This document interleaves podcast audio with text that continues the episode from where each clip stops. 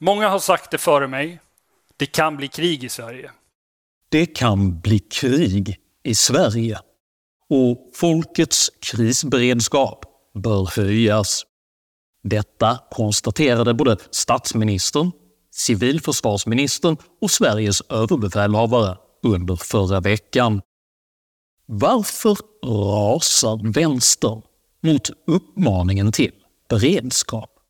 Vad är egentligen krisberedskap och vad händer med ett samhälle som inte längre kan uppbåda någon försvarsvilja? Dessa frågor tar jag upp i veckans video Krig i Sverige. Gillar du mina filmer så hjälper du mig att kunna fortsätta göra dem om du stöttar mig via något av betalningsalternativen här nedanför. Det är endast tack vare ert generösa och frivilliga stöd som jag kan fortsätta att utveckla denna kanal. Så ett stort, stort tack till alla de av er som bidrar. Idag talar jag om konflikt, kritik och krig. Häng med!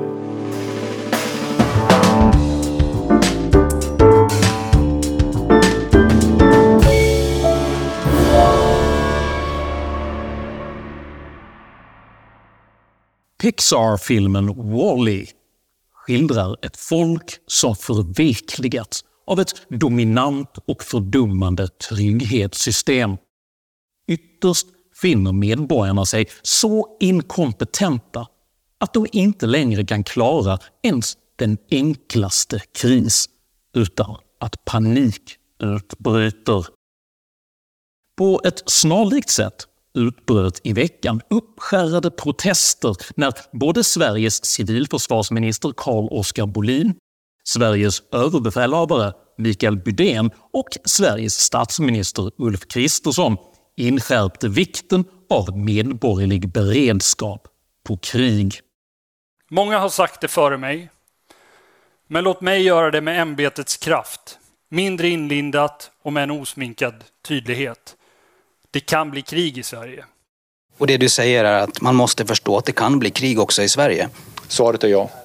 Vi måste börja tala högt om de förväntningar som följer av ett svenskt medborgarskap. Ytterst handlar det om att med vapen i hand och med livet som insats försvara Sverige, våra värderingar och vårt sätt att leva. Inte mer och inte mindre. Medborgarskap är inte en resehandling.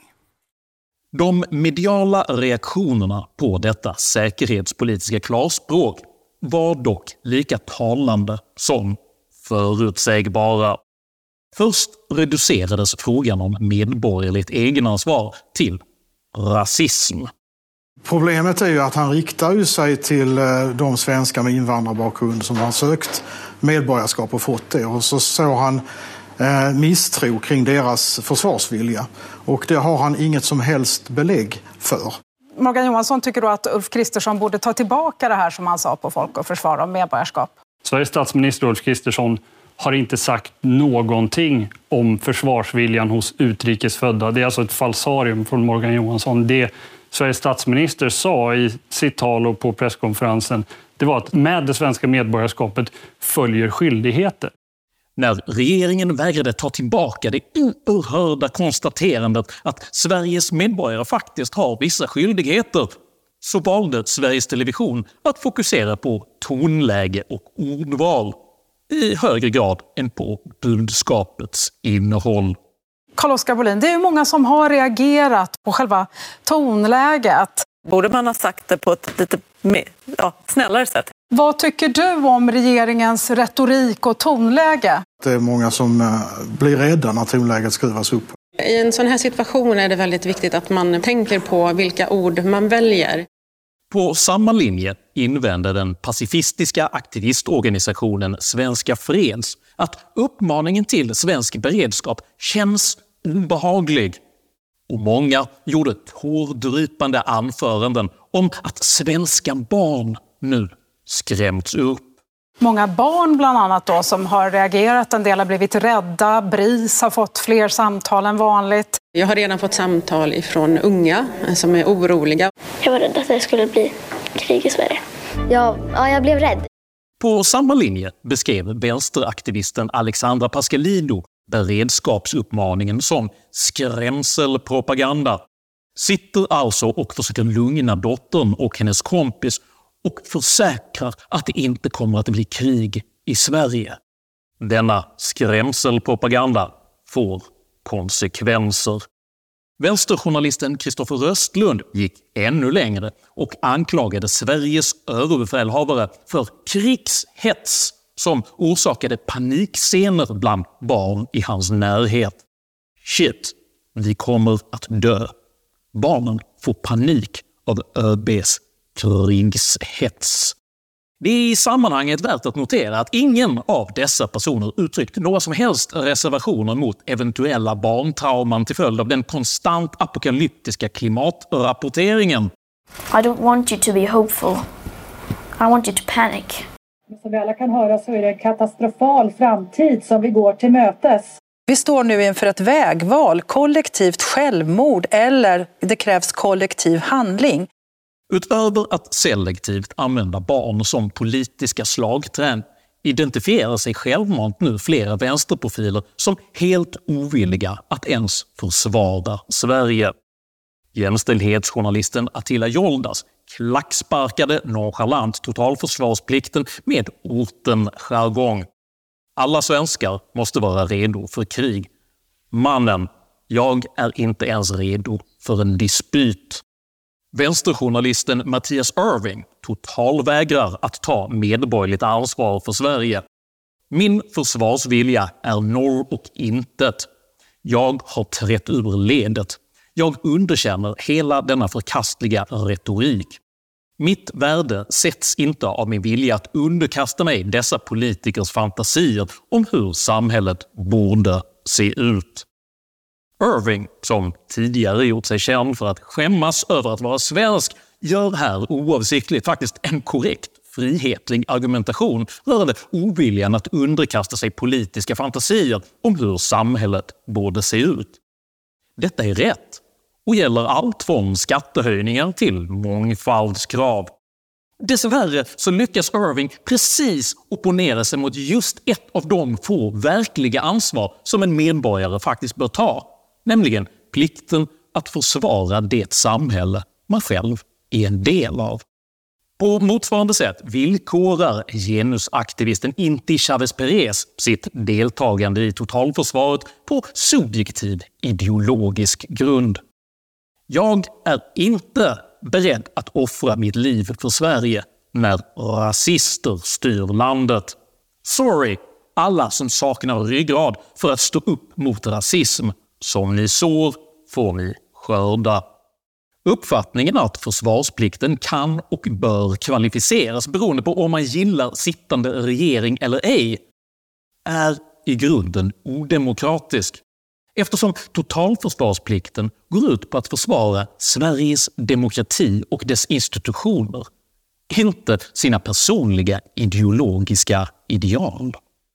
Andra vänsterröster väljer att helt enkelt förlöjliga beredskapsuppmaningen. Johannes Klenell, kulturredaktör på facktidningen Arbetet, beskriver hela ansatsen som stridspittar i lusekofta som frimodigt tumlar runt i Sälen och fantiserar om de fräcka effekter som uppstår om man atombombar Öresundsbron. Samtidigt hånar samma tidnings politiske chefredaktör Daniel Svedin Sveriges överbefälhavare med orden “Oj, oj, oj, jag hoppas Bydén kan komma med konkreta tips på hur jag mentalt förbereder mig på krig.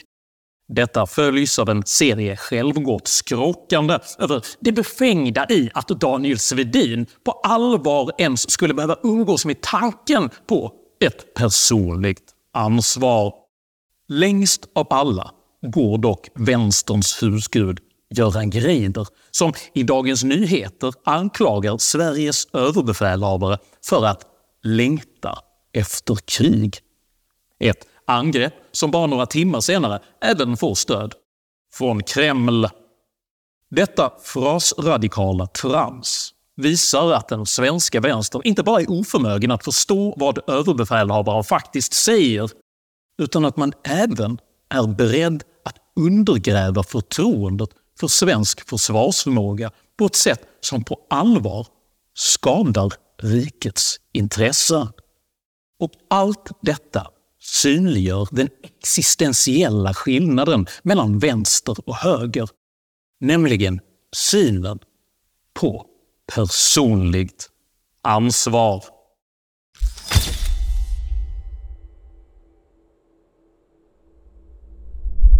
Vi befinner oss i det allvarligaste säkerhetspolitiska läget sedan andra världskriget. Must bedömer att säkerhetsläget är det allvarligaste sedan åtminstone 1980-talets början.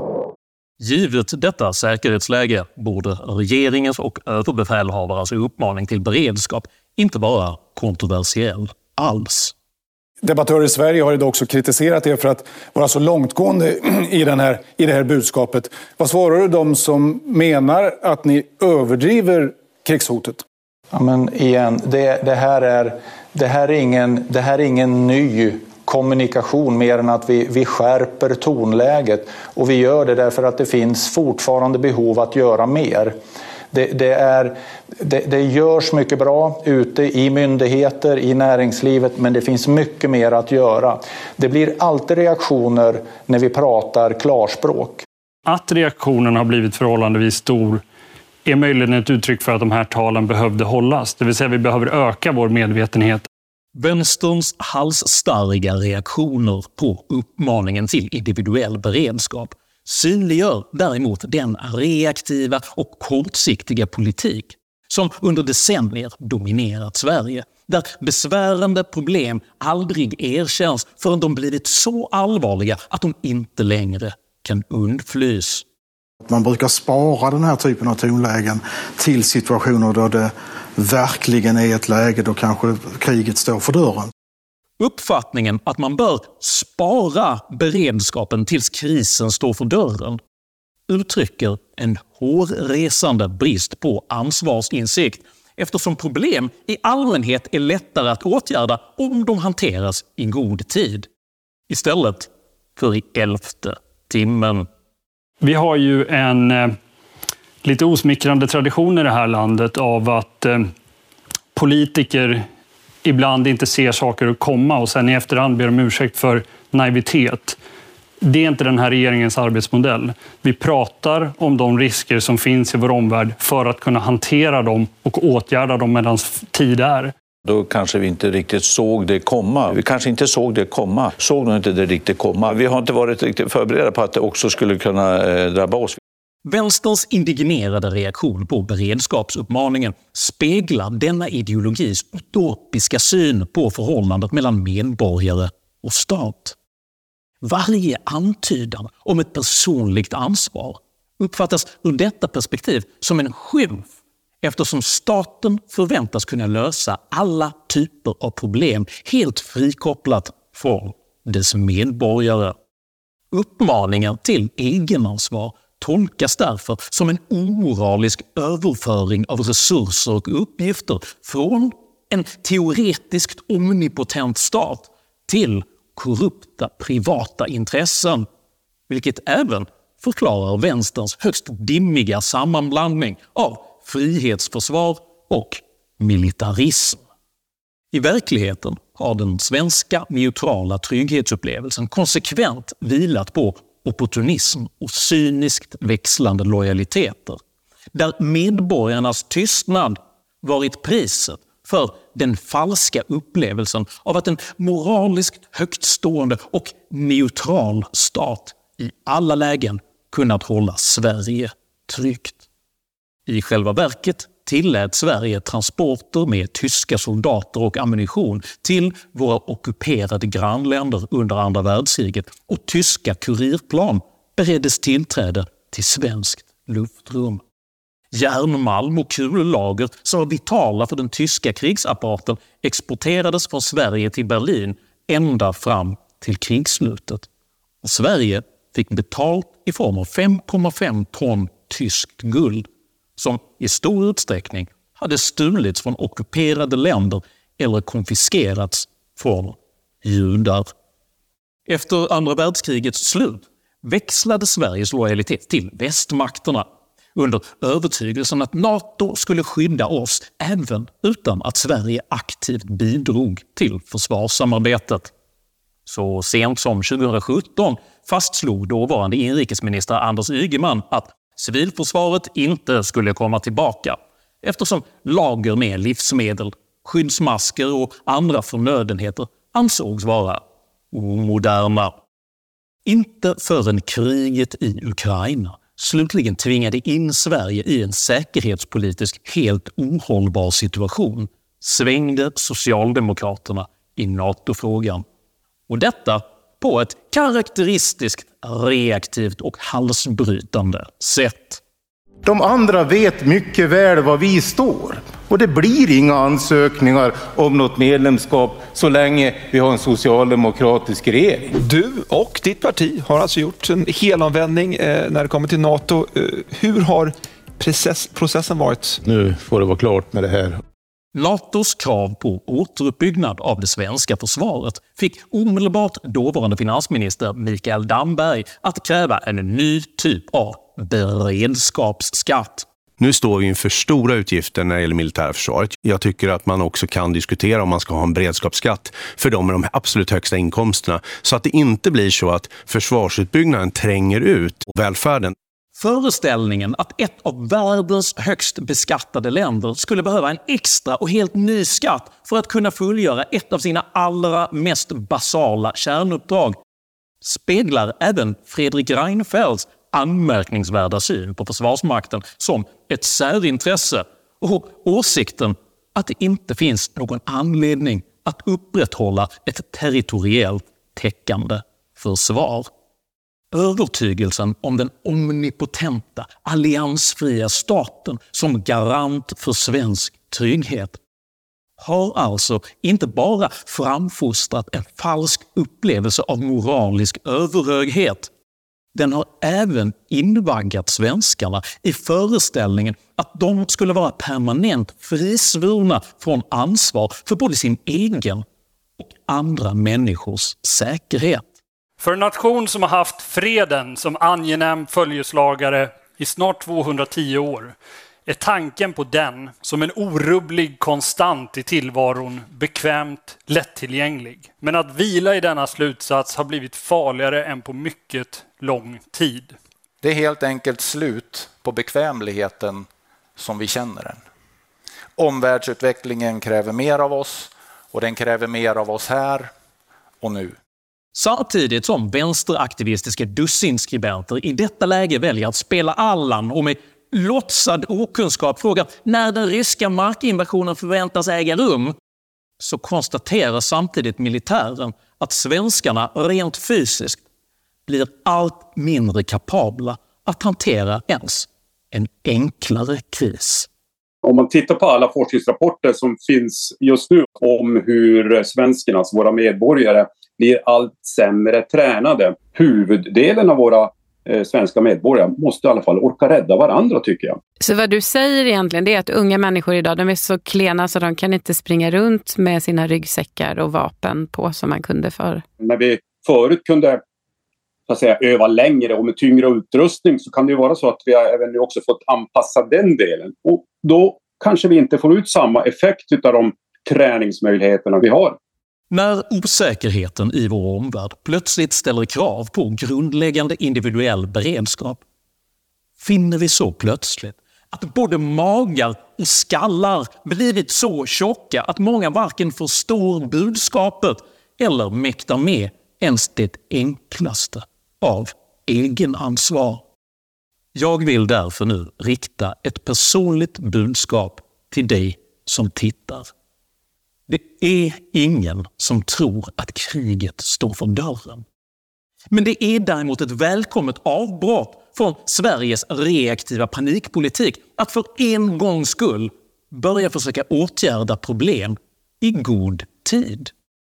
Men det är ingen som har sagt att kriget står för dörren. Men det vi säger är att nu har vi ett möjlighetsfönster att stärka svensk beredskap därför att osäkerheten i vår omvärld är större än på mycket, mycket lång tid.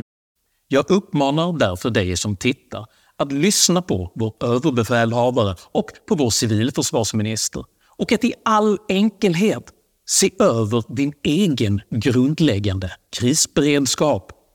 Du kan läsa mer om detta i broschyren Om krisen eller kriget kommer. För, som Sveriges statsminister säger, är man inte beredd att försvara svensk demokrati och vårt sätt att leva, så ska man naturligtvis inte heller vara svensk medborgare.